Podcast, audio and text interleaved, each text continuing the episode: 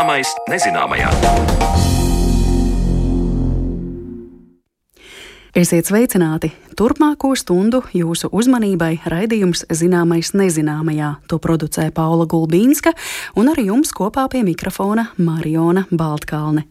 Raidījumā līdz šim esam atskatījušies uz 2023. gada notikumiem astronomijā, sasniegumiem fizikā, tehnoloģiju jomā, kā arī kvantu mehānikā.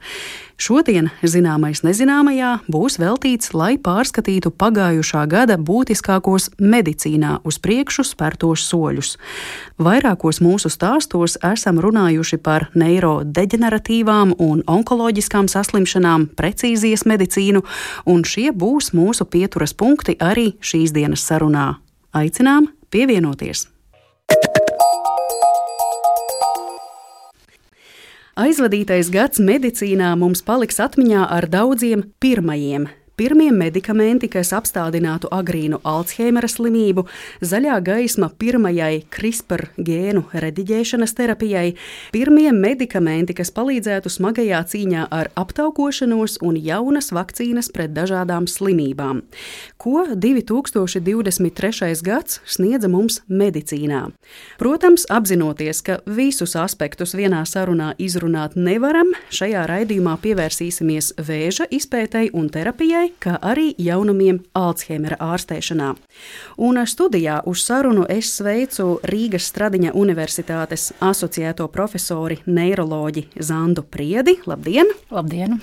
Un attālināti mums pievienojies Latvijas Universitātes profesors, Latvijas Universitātes klīniskās un profilaktiskās medicīnas institūta direktors, gastroenterologs Mārcis Leja. Labdien! Labdien! Paldies jums abiem, ka esat saspringtajā mediķu grafikā atraduši laiku paviesoties mūsu raidījumā. Un jāsaka tā, līdz 2023. gadam daži iepriekšējie gadi pagāja Covid-19 zīmē. Un tagad rodas sajūta, nu, ka beidzot, beidzot tā pamazām arī medicīnā Covid noiet no skatuves. Protams, ne pilnībā mēs dzirdam par jauniem gadījumiem, bet tas vairs nav tik satraucoši, un tas ļauj varbūt vairāk arī runāt par citām jomām. Kā jūs to vērtētu, vai tā ir, vai tomēr, nu, nē, nē, par covid aiziešanu mēs runājam pāragri? Priedes kundze, sāksim ar jums. Paldies par iespēju, paldies par iespēju informēt sabiedrību arī par uh, veiksmīgiem pasaulē pētījumiem, pētījumu rezultātiem, kas īstenībā jau 22. gada nogalē ir saistībā ar Alzheimer slimības pētniecību beigušies.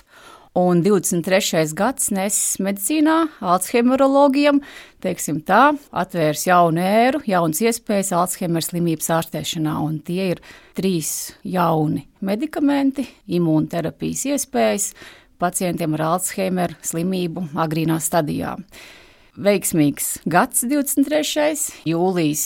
Tas ir laiks, kad Amerikas Savienotās valstīs divi no šiem jaunākiem Alzheimer medikamentiem tika akceptēti. Savukārt Eiropā šie medikamenti nu pat janvāra mēnesī tika iesniegti akceptēšanai, lietošanai. Mm -hmm. Mēs pēc brīža noteikti vēl detalizētāk runāsim arī par šiem jūsu pieminētajiem medikamentiem, bet kā ar to covidu, kā jūs to vērtējat, esam no tā tikuši vaļā.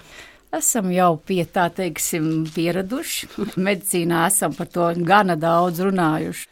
Pētniecībai joprojām noteikti ir jāturpinās. Ir ļoti daudz uh, palaistu tādu neskaidru arī faktoru, kāds atstāja ietekmi tomēr arī uz smadzeņu šūnām, uz imunitāti. Un, Šie pacienti jau nekur nav pazuduši, kuriem ir šīs covid sekas, un uh, to mēs ikdienā visi praktizējošie neiroloģi speciālisti jūtam un nedrīkstam aizmirst par to. Mm -hmm.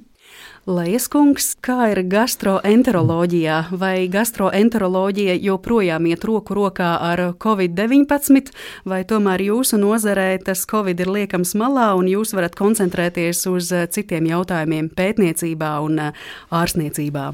Nu, mēs noteikti nevaram teikt, ka Covid-19 būtu aizgājis. Viņš vēl joprojām ir ar mums, bet tik tiešām mēs esam mācījušies vairāk ar to varbūt sadzīvot un nenoliedzami gan vakcinācijas veiksmes stāstu dēļ, gan varbūt arī pārslimotas infekcijas dēļ šī brīža infekcijas nav varbūt tik nozīmīgas, bet viņas nav pilnībā pazudušas. Noteikti nē, bet nenoliedzami Covid periodā bija daudz ierobežojumi. Mēs paši bijām iesaistīti projektos, kas diemžēl nebija tik veiksmīgi, kā viņiem vajadzēja būt tieši pandēmijas dēļ.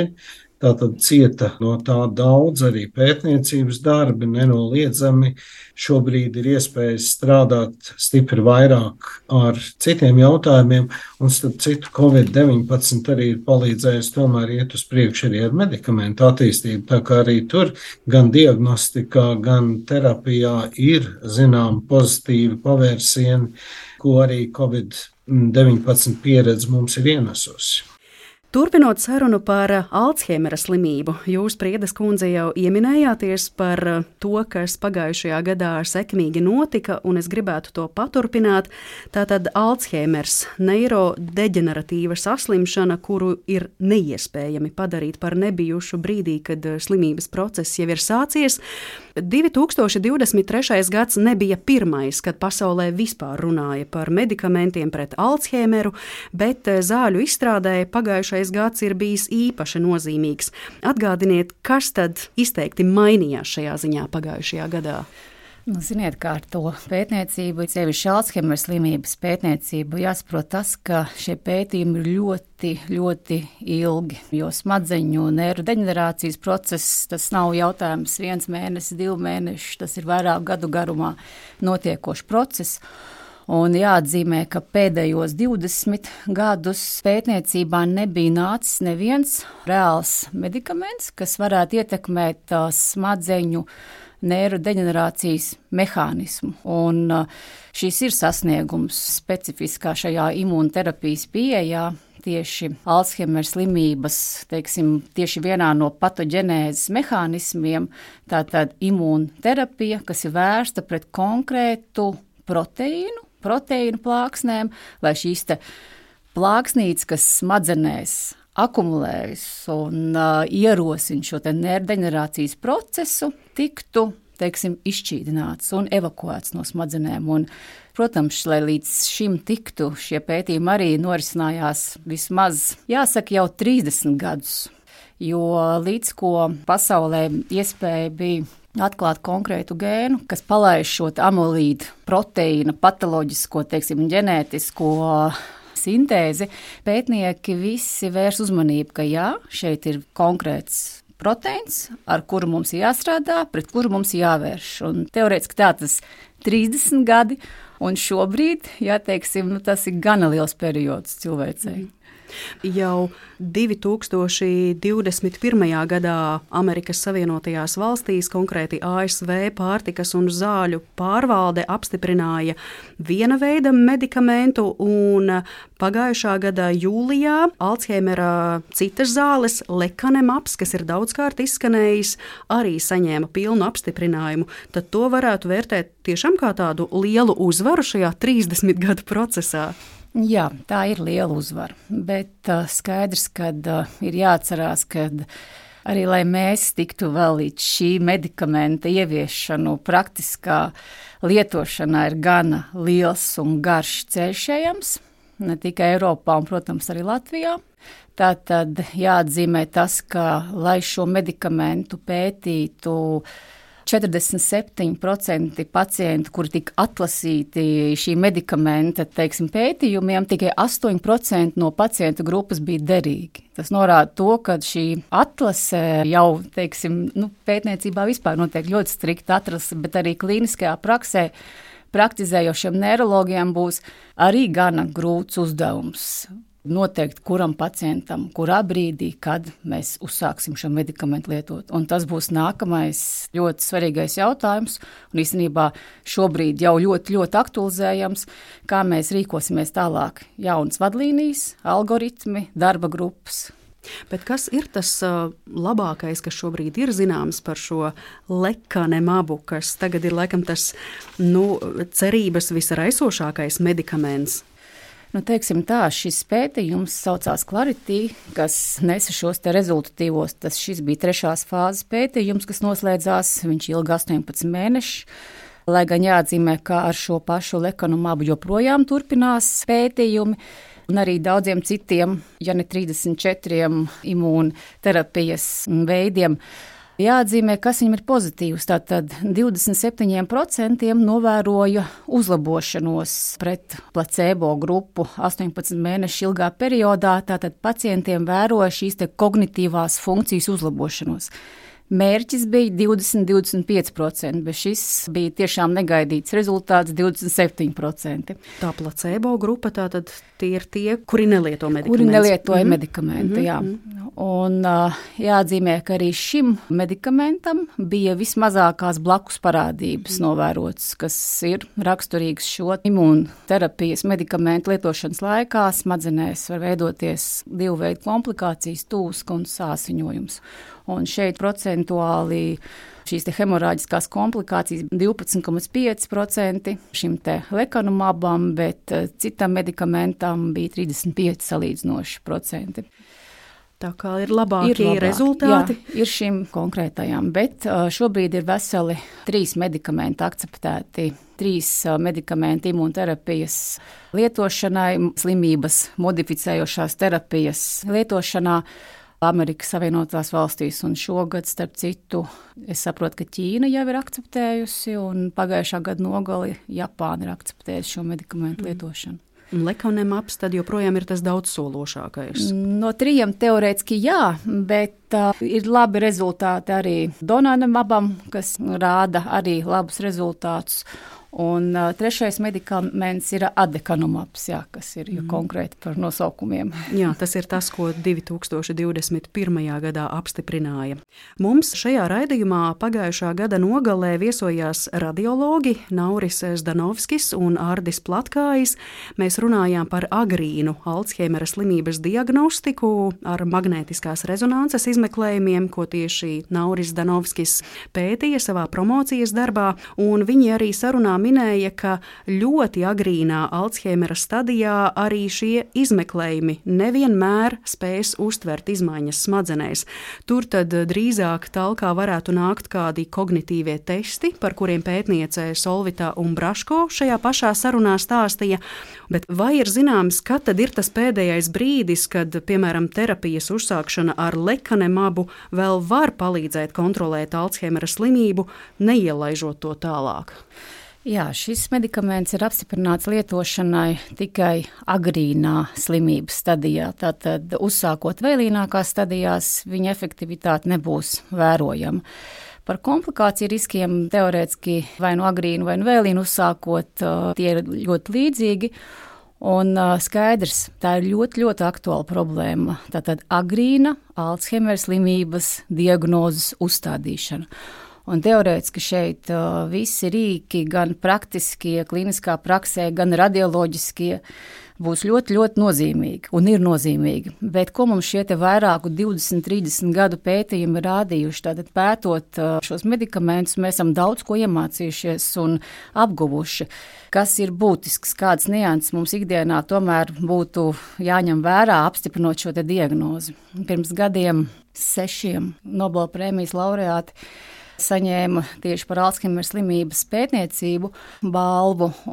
Viņi bija tie, kas pasaulē uzsvēra, ka Alzheimer slimības diagnostikā ļoti būtiski ir biomarķieri. Un tie var būt, protams, dažādi. Šie laboratorija, radioloģiskie biomarķieri. Bet biomarķieri būs tie, kas mums rādīs, vai vispār pacientam ir Alzheimer slimība, Un uh, tos kombinējot ar klīniskās diagnozes, tiem saucamiem testiem, klīniskajiem testiem, mēs varam iegūt informāciju, cik izteikts ir šis Alzheimer slimības stadija, cik smaga šī stadija, un arī iespējams vieglu kognitīvu deficītu, kad jau pacientam ir potenciāli augsts risks nākotnē drīzumā, tuvākos gados saslimt ar Alzheimer slimību. Tādēļ galvenie teorētiski šie te, nu, pamatvaļi, teiksim, diagnostikā, numur viens skaidrs šie klīniskie testi, ko var veikt gan ģimenes ārsts, gan klīniskais neiroloģis, gan klīniskais psihologs, bet skaidrs, ka tie visi ir ļoti laika ietilpīgi. Tad vai ģimenes ārsts spēs šo te garo testu veikt pacientam, kuram aizdomas par atmiņas traucējumiem.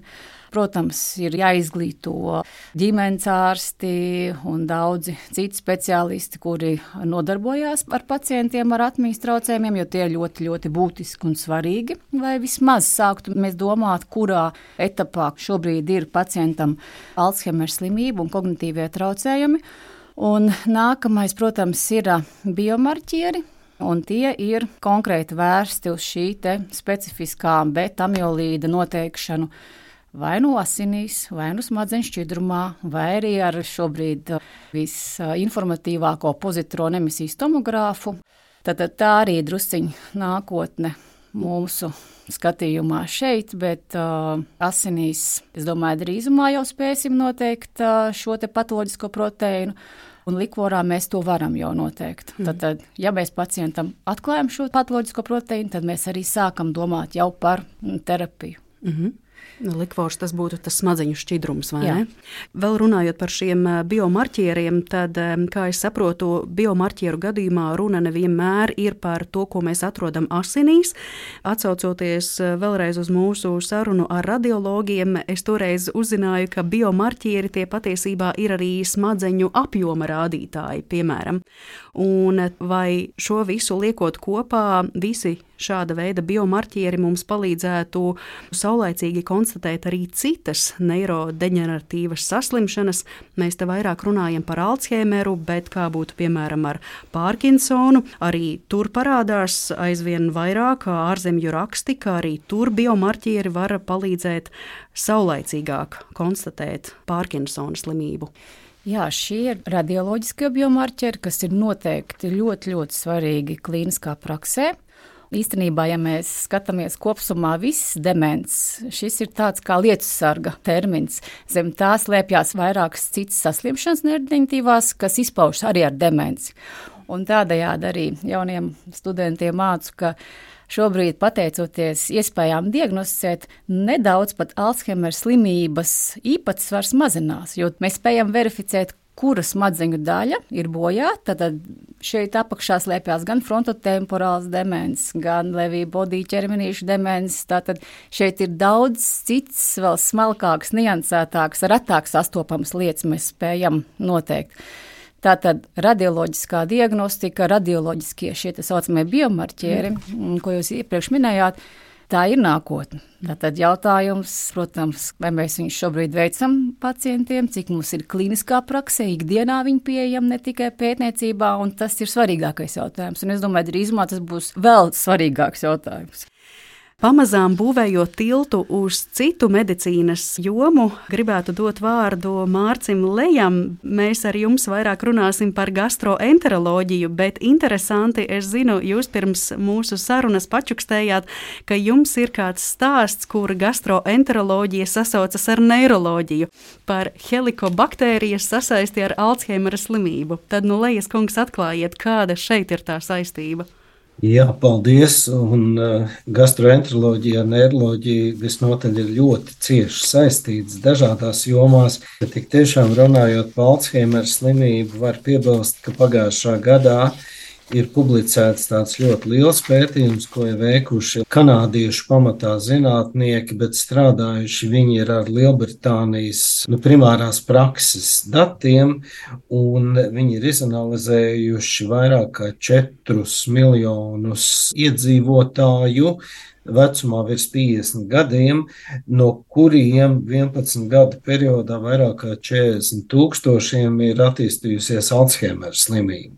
Un e, šajā pētījumā viņi skatījušies vairāku infekciju potenciālo saistību ar šo te progresiju un izrādījies, ka helikobaktērija būtiski ir paaugstinājuši šo risku par 11%. Tātad 11% biežāk šiem pacientiem, kuriem ir bijusi klīniski nozīmīga infekcija, nu, klīniski nozīmīga, tātad acīm redzot, tāpēc arī šie indivīdi ir izmeklēti viņiem ir bijis šis risks augstāks. Savukārt, eh, citām infekcijām, piemēram, salmonella infekcijai, nekāda šāda saistība netika atrasta. Ja? Tātad nu, šobrīd mums nebūtu, eh, nav obligātas rekomendācijas, ka Alzheimer slimības profilaksē kā tādai būtu jālikvidē.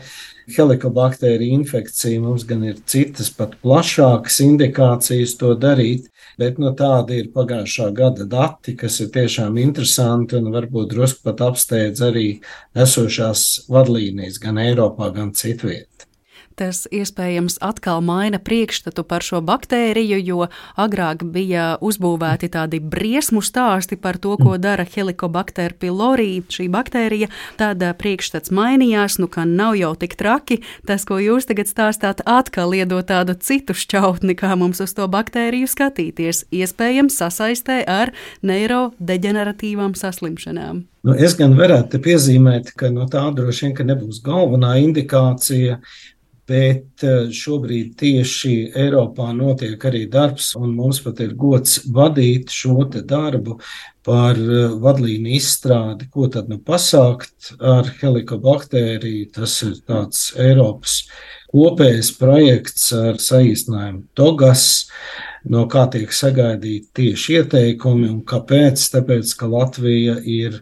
viena no vissliktākajām pozīcijām Eiropā, un šobrīd arī visā Eiropā tiek uzsvērts, ka tomēr ir eh, jācenšas likvidēt šo baktēriju, ja vien viņa tiek atrasta. Mm -hmm.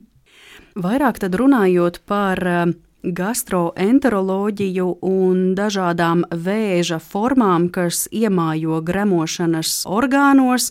Kā vispār pagājušajā gadā šie skrīningi, diagnostika vēža ziņā ir gājusi uz priekšu, vai tur tas viss ir uzlabojies, neatkarīgi par kuru vēža formu mēs runātu? Jā, pilnīgi noteikti. Pagājušā gadā ir daudz noticis. Un jāsaka, ir, ka Eiropas komisija ir kā tādu savu fokusu šajā periodā likusi onkoloģija. Onkoloģija gan vienmēr ir bijusi fokusā, bet jo īpaši šajā periodā. Un tieši tāpēc tiek atbalstīts ļoti daudzas aktivitātes saistībā gan ar prevenciju, gan ar skrīningu, gan ar onkoloģiju, diagnostiku un ārstēšanu taiskaitā. Un eh, būtiski ir tas, ka aizpagājušā gada pašās beigās, decembrī, tātad 22. gadā, visas Eiropas Savienības valsts akceptēja jaunas rekomendācijas, jaunas Eiropas eh, komisijas padomas rekomendācijas vēža skrīningu jomām. Un tātad papildus iepriekšējām skrīningu jomām, kas jau bija ieteikts sākot ar 2003. gadu, tātad bija rekomendēts skrīnings saistībā ar krūts vēzi, dzemdas kaklu vēzi un kolorektālo jeb zarnu vēzi. Tas viss paliek, bet eh, nedaudz jau citā kvalitātē un citos veidos un citās programmās bet uh, ir pievienojušās trīs jaunas uh, skrīninga rekomendācijas - plaušu vēzis izteiktiem smēķētājiem, prostatas vēzis un arī kuņģa vēzis. Bet tās ir tikai rekomendācijas, pie kurām vēl ir jāstrādā. Tas nenozīmē tā, ka mums ar rītdienu tagad ir jāievieš Latvijā šīs darbības. Nē, ir jāizstrādā pragmatiski pieejas, lai to darītu. Un šajā sakarā ļoti intensīvi pagājušā gadā ir strādāts pie tāda Eiropas megaprojekta sagatavošanas, ko arī būs gods vadīt Latvijai par skrīningu jomām, kas nākamo četru gadu laikā būs būtiski uzlabojums un kur tad būs šī attīstība. Un tās ir tiešām ļoti nopietnas, ļoti interesanti virzieni, tātad gan saistībā ar jau pieminētām konkrētām vēža nozoloģijām, pie šīm izstrādēm, bet arī ar jaunām tehnoloģijām, ar mākslīgo intelektu, ar jaunām pieejām, lai iedzīvotājus uzrunātu, ar jaunām pieejām un jaunām zināšanām, kādā veidā organizēt šīs programmas. Nenoliedzami mums šīs zināšanas būs ļoti, ļoti vērtīgas. Pagājušā gadā lielu gada laiku notika Eiropas līmenī šis darbs pie tāda projekta sagatavošanas, un mēs sagaidām, ka šogad pirmā pusē arī šāds projekts tiks uzsākts kopā visā Eiropā. Mm. Latvijai ļoti aktīvi tur iesaistoties.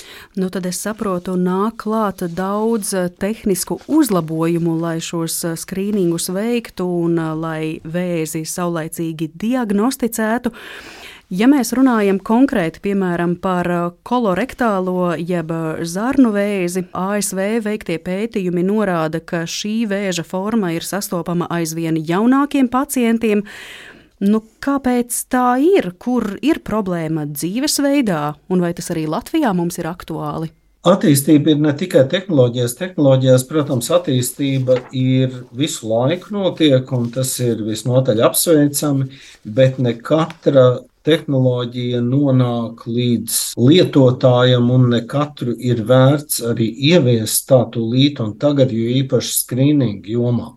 Nu, es varu pieminēt, ka ir izstrādāta piemēram pieeja, kā kolorektālo vēzi diagnosticēt pēc zarnu mikrobioma sastāva. Ja, tāda metodoloģija tiek piedāvāta skrīninga nolūkam, gan tā ir akceptēta tikai pāris vietās Āzijā pagaidām, bet, lai mēs par kaut ko tādu domātu, ir jābūt ļoti pragmatiskam izvērtējumam par to, kādu pienesumu, kādu ieguvumu šī vai cita alternatīva tehnoloģija, vai pieeja, vai koncepts eh, var eh, dot, vai tas ir labāks par šobrīd esošo, ne tikai dārgāks, bet arī labāks un ko mēs ar to iegūstam. Un tikai tad, ja šis pragmatiskais eh, vērtējums ir devis pozitīvu rezultātu, tikai tad mēs varam domāt un rekomendēt kaut kādu ieviešanu. Līdz ar to, piemēram, par tiem pašiem skrīningiem. Sākumā varbūt viņi zināmā mērā konservatīvi, un šīs te jaunās tehnoloģijas un jaunās pieejas ir ļoti gausi iegājušas skrīningu jomā, bet tieši tāpēc arī tas tiks vērtēts un tiek sniegt arī ieteikumi un izstrādes par to, kā tad nu, ir pareizi šis ceļš ejams un kā tad nonākt pie tā optimālā rezultāta.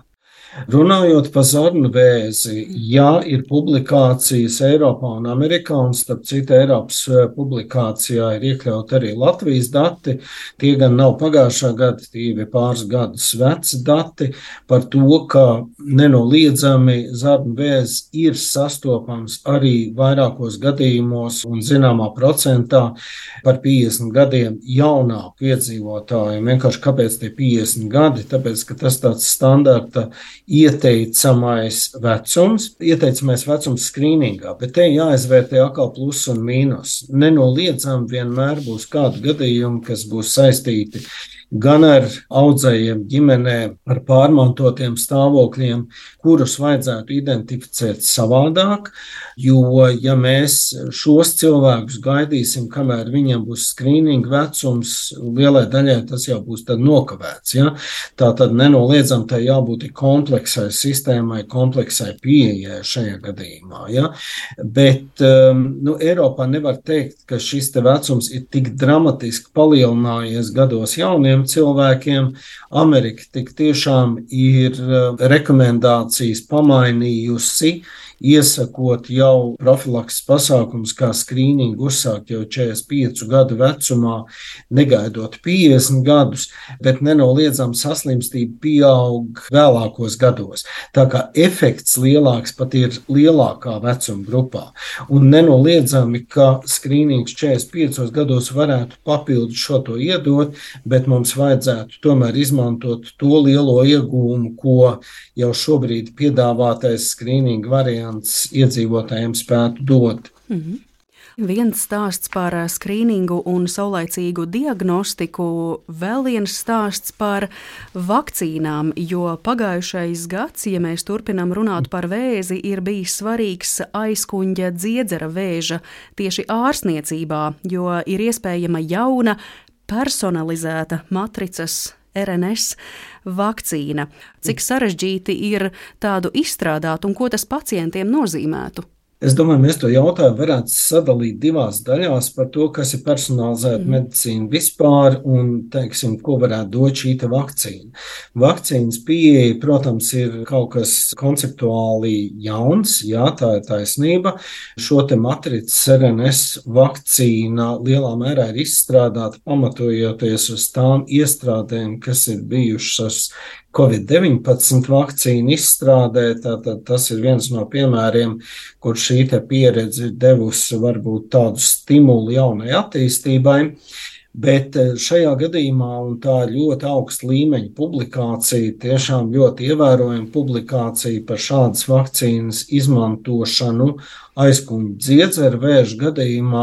Un te jāpiemina, ka vēža ārstēšanā ļoti intensīvi dažādu audzēju ārstēšanā ir ienākusi imūnterapija, kas stimulē imūnosistēmu, bet konkrēti aizkuņa dziedzera vēža gadījumā tā imūnterapija ir eh, krietni vien neefektīva, ne vairāk kā 5%. Viņa ir efektīva pati par sevi. Un tātad šajā gadījumā ar vakcīnas palīdzību pētniekiem ir izdevies panākt šo imūnsistēmas aktivizāciju, kad attiecīgi šī imunterapija kopā ar standarta ķīmijterapiju ir demonstrējusi pozitīvu efektu.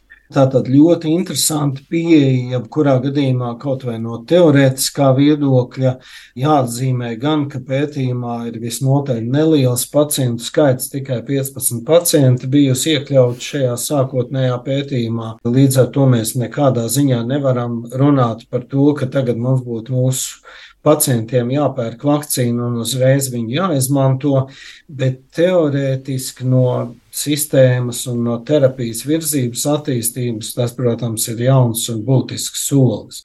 Bet varbūt tad nedaudz sīkāk par šo personalizētu medicīnu, kuras virzienā mēs noteikti ejam.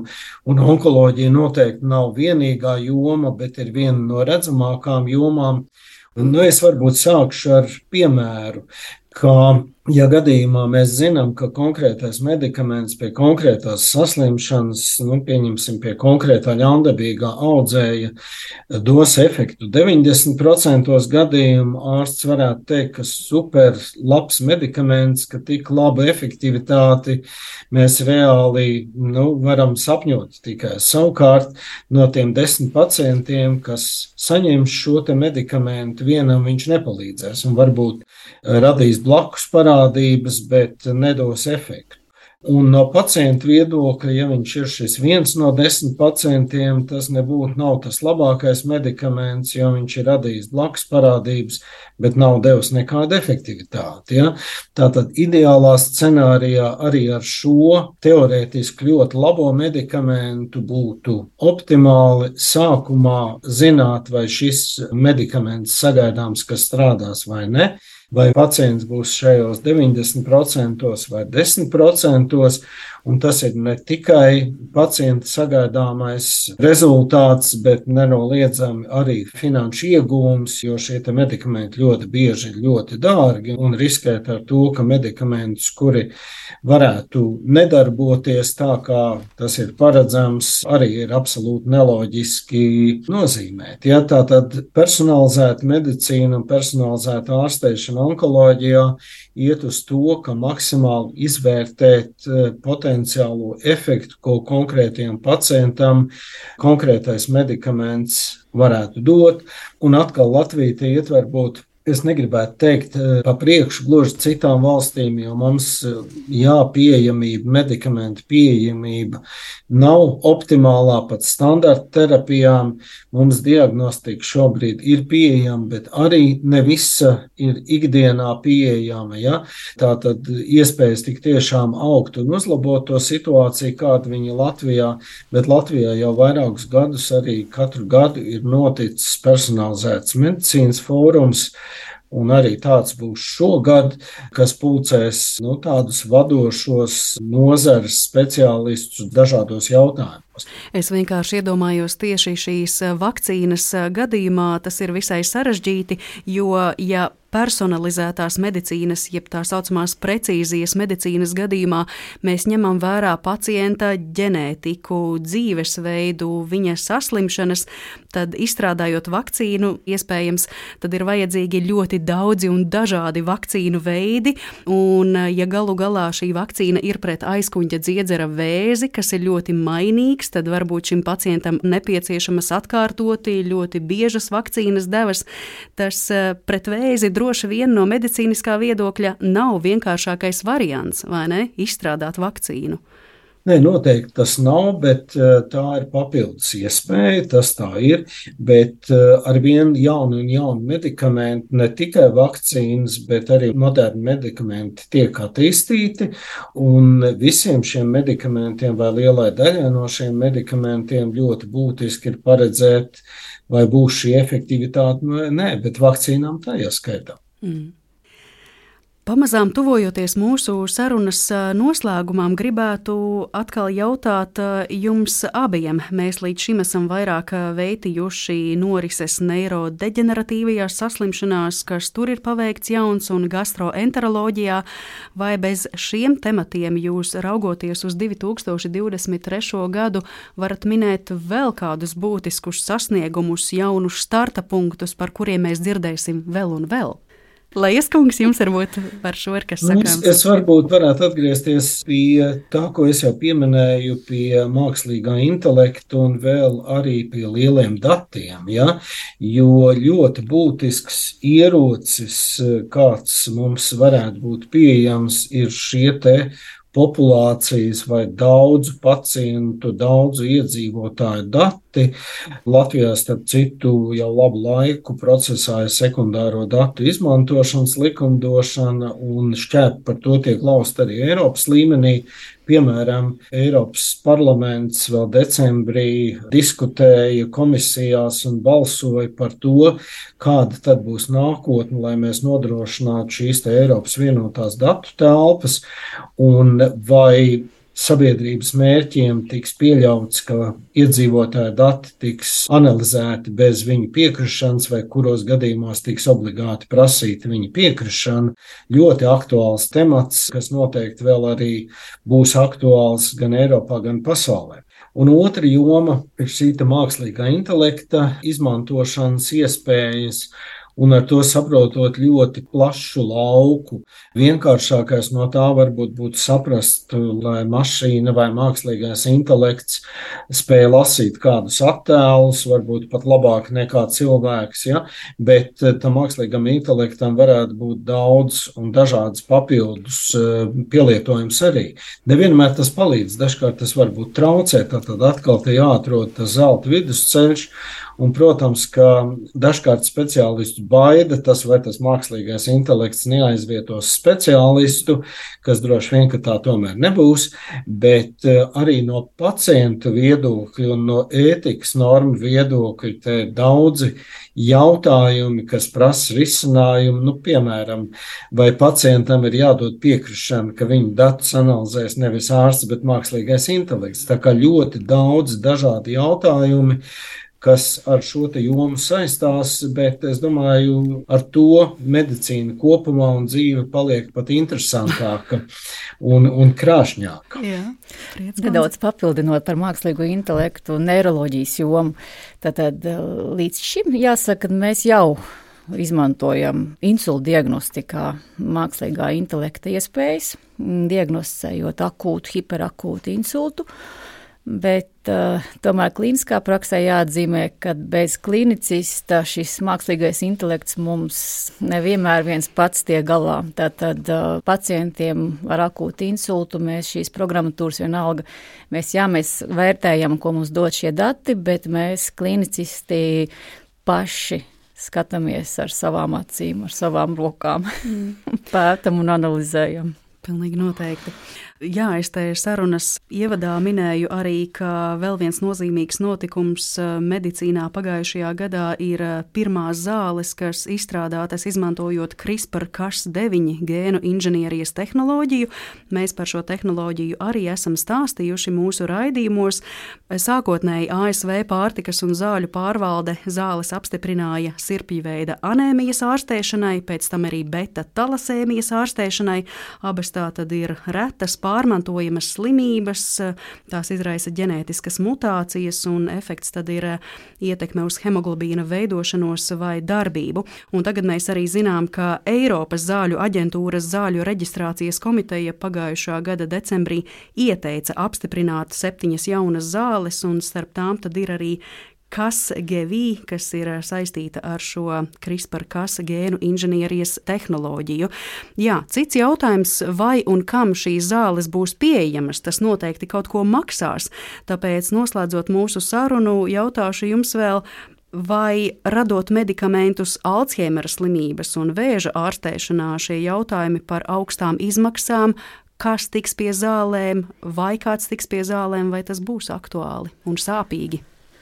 Jā, nu, runājot par Alzheimer slimību, arī joprojām man nav pozitīvas nu, teiksim, informācijas, ko jums pavēstīt. Joprojām Latvijā Alzheimer slimības diagnozēji netiek kompensēts neviens medikaments simptomātiskā terapijā. Pacientiņi paši pērk šos medikamentus. Un nākot iekšā, protams, tirgū šiem lielajiem imūnsistēmas modificējošiem medikamentiem, to izmaksas būs lielas augstas. Un, tas, protams, būs jautājums ļoti aktuāls. Un jāatzīmē to, ka arī diagnostika, piemēram, Amerikas Savienotās valsts, viņi jau daļēji spēja kompensēt arī dārgos diagnostiskos izmeklējumus, piemēram, šo te pozitīvo emisijas tomogrāfiju, amiloīdu noteikšanai smadzenēs, bet es nesaskatu, ka mēs varētu šobrīd šādu piedāvājumu nodrošināt Latvijā. Tādēļ šeit būtiski būs tomēr vienalga vērsties gan ministrijā, gan visiem speciālistiem veidot šīs darba grupas un Alzheimer slimības ārstēšanas un diagnostikas aktualitātes noteikti izskatīt tuvākā nākotnē. Šeit būs noteikti aktualizējums jautājums. Šeit būs jāmēģina atrast līdzekļi un iespējas, kā mēs varam palīdzēt pacientiem. Skrīningi, vakcīnas, vēža gadījumā, Lejas kungs, cik tie finansiāli būs pieejami un ir pieejami? Šobrīd es gribētu teikt, ka skrīninga joma ir pieejama lielā mērā, bet viņi prasa būtisku vēl uzlabojumu. Tas ir pilnīgi fakts. Bet eh, par profilakses pasākumiem, kā skrīningu, nevajadzētu būt tādai situācijai, ka iedzīvotājiem jāmaksā pašiem. Mm, vismaz par tiem skrīningiem, ko iesaka valsts, un valsts to iesaka tomēr pamatojoties uz Eiropas komisijas rekomendācijām. Ar medikamentiem situācija mums ir bēdīgāka. Jā, Latvija nebūtu neizceļas to valstu skaitā, kas onkoloģijā kompensē lielāko skaitu no efektīviem medikamentiem. Ir būtisks progress pēdējo gadu laikā bet mēs ne tuvu nesam vēl pirmrindnieki ar to, lai neteiktu, ka mēs esam tādā otrā valstu daļā. Un nenoliedzami jaunie medikamenti tirgu parādās ar jaunām cenām. Ir iespējamas labas, varbūt sadarbības arī ar ražotājiem, gan dažādu valstu starpā, gan arī, teiksim, atrodot tiešām tos pacientus, kuriem būtu efektivitāte nenoliedzami lielu iegūmu var dot arī klīniskie pētījumi, jo dažkārt ir arī tā, un uz to mēs tā kā cenšamies arī iet. Un Eiropā tiek plānotas šādas programmas, lai, piemēram, pacients, kuram varbūt vienā valstī ir iespēja iekļauties klīniskā pētījumā, ar kādu jaunu medikamentu, viņam pat būtu iespēja arī to darīt, kaut viņš dzīvo citā valstī. Nu, es nevaru pateikt, ka visas problēmas mēs varēsim ātri atrisināt. Noteikti, ka visus jaunos medikamentus un visās situācijās, laikam, neviena valsts nevar atļauties iepirkt, Latvija, laikam, nu, diemžēl nav no tām valstīm, kas proporcionāli iepērk visvairāk. Tātad, jā, nenoliedzam situācijai ir jākļūst labākai, ir vajadzīgi papildus ieguldījumi te, bet, protams, ir vienmēr jābūt tam izvērtējumam, ko nacionāla valsts arī var atļauties un ko var piedāvāt kompensēt saviem iedzīvotājiem. Kaut gan ļoti būtiski ir tas, un tādas ir arī Eiropas komisijas uzstādījumi, ka ir jābūt vienlīdzībai Eiropas Savienības līmenī, un tas nozīmē, mēs to kādreiz vienkāršojam ar to, ka vienlīdzīga pieeja medikamentiem, vienlīdzīgi medikamenti, kas arī ir daļa no šīs vienlīdzības, bet tā ir, protams, arī jautājumi par vienlīdzīgu diagnostiku un arī valsts ietvaros vienlīdzību un vienlīdzīgām iespējām arī mediķiem tanī skaitā.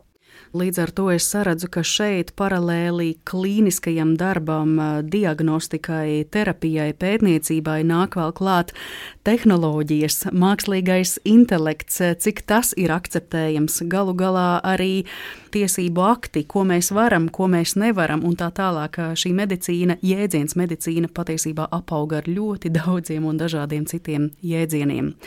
Bet šodien par atskatu uz 2023 trešo gadu medicīnā, jauninājumiem un daudzām lietām, kurām mums vēl jāturpina sekot līdzi un kas vēl jātīsta. Es lielu paldies saku Rīgas Stradiņa Universitātes asociētajai profesorei neiroloģijai Zandai Priedei un Latvijas Universitātes profesoram, Latvijas Universitātes klīniskās un profilaktiskās medicīnas institūta direktoram un gastroenterologam Mārcim Lejam. Paldies jums abiem un lai pietiek spēka turpināt! Paldies! Paldies! Yes, Uzredzēšanās! Mūsu raidījums ar to arī šodien izskan. To veidoja Paula Gulbīnska, Nora Mītspapa, Girts Bišs un pie mikrofona bija Mariona Baltkalne. Lai patīkams dienas turpinājums un uz sadzirdēšanos!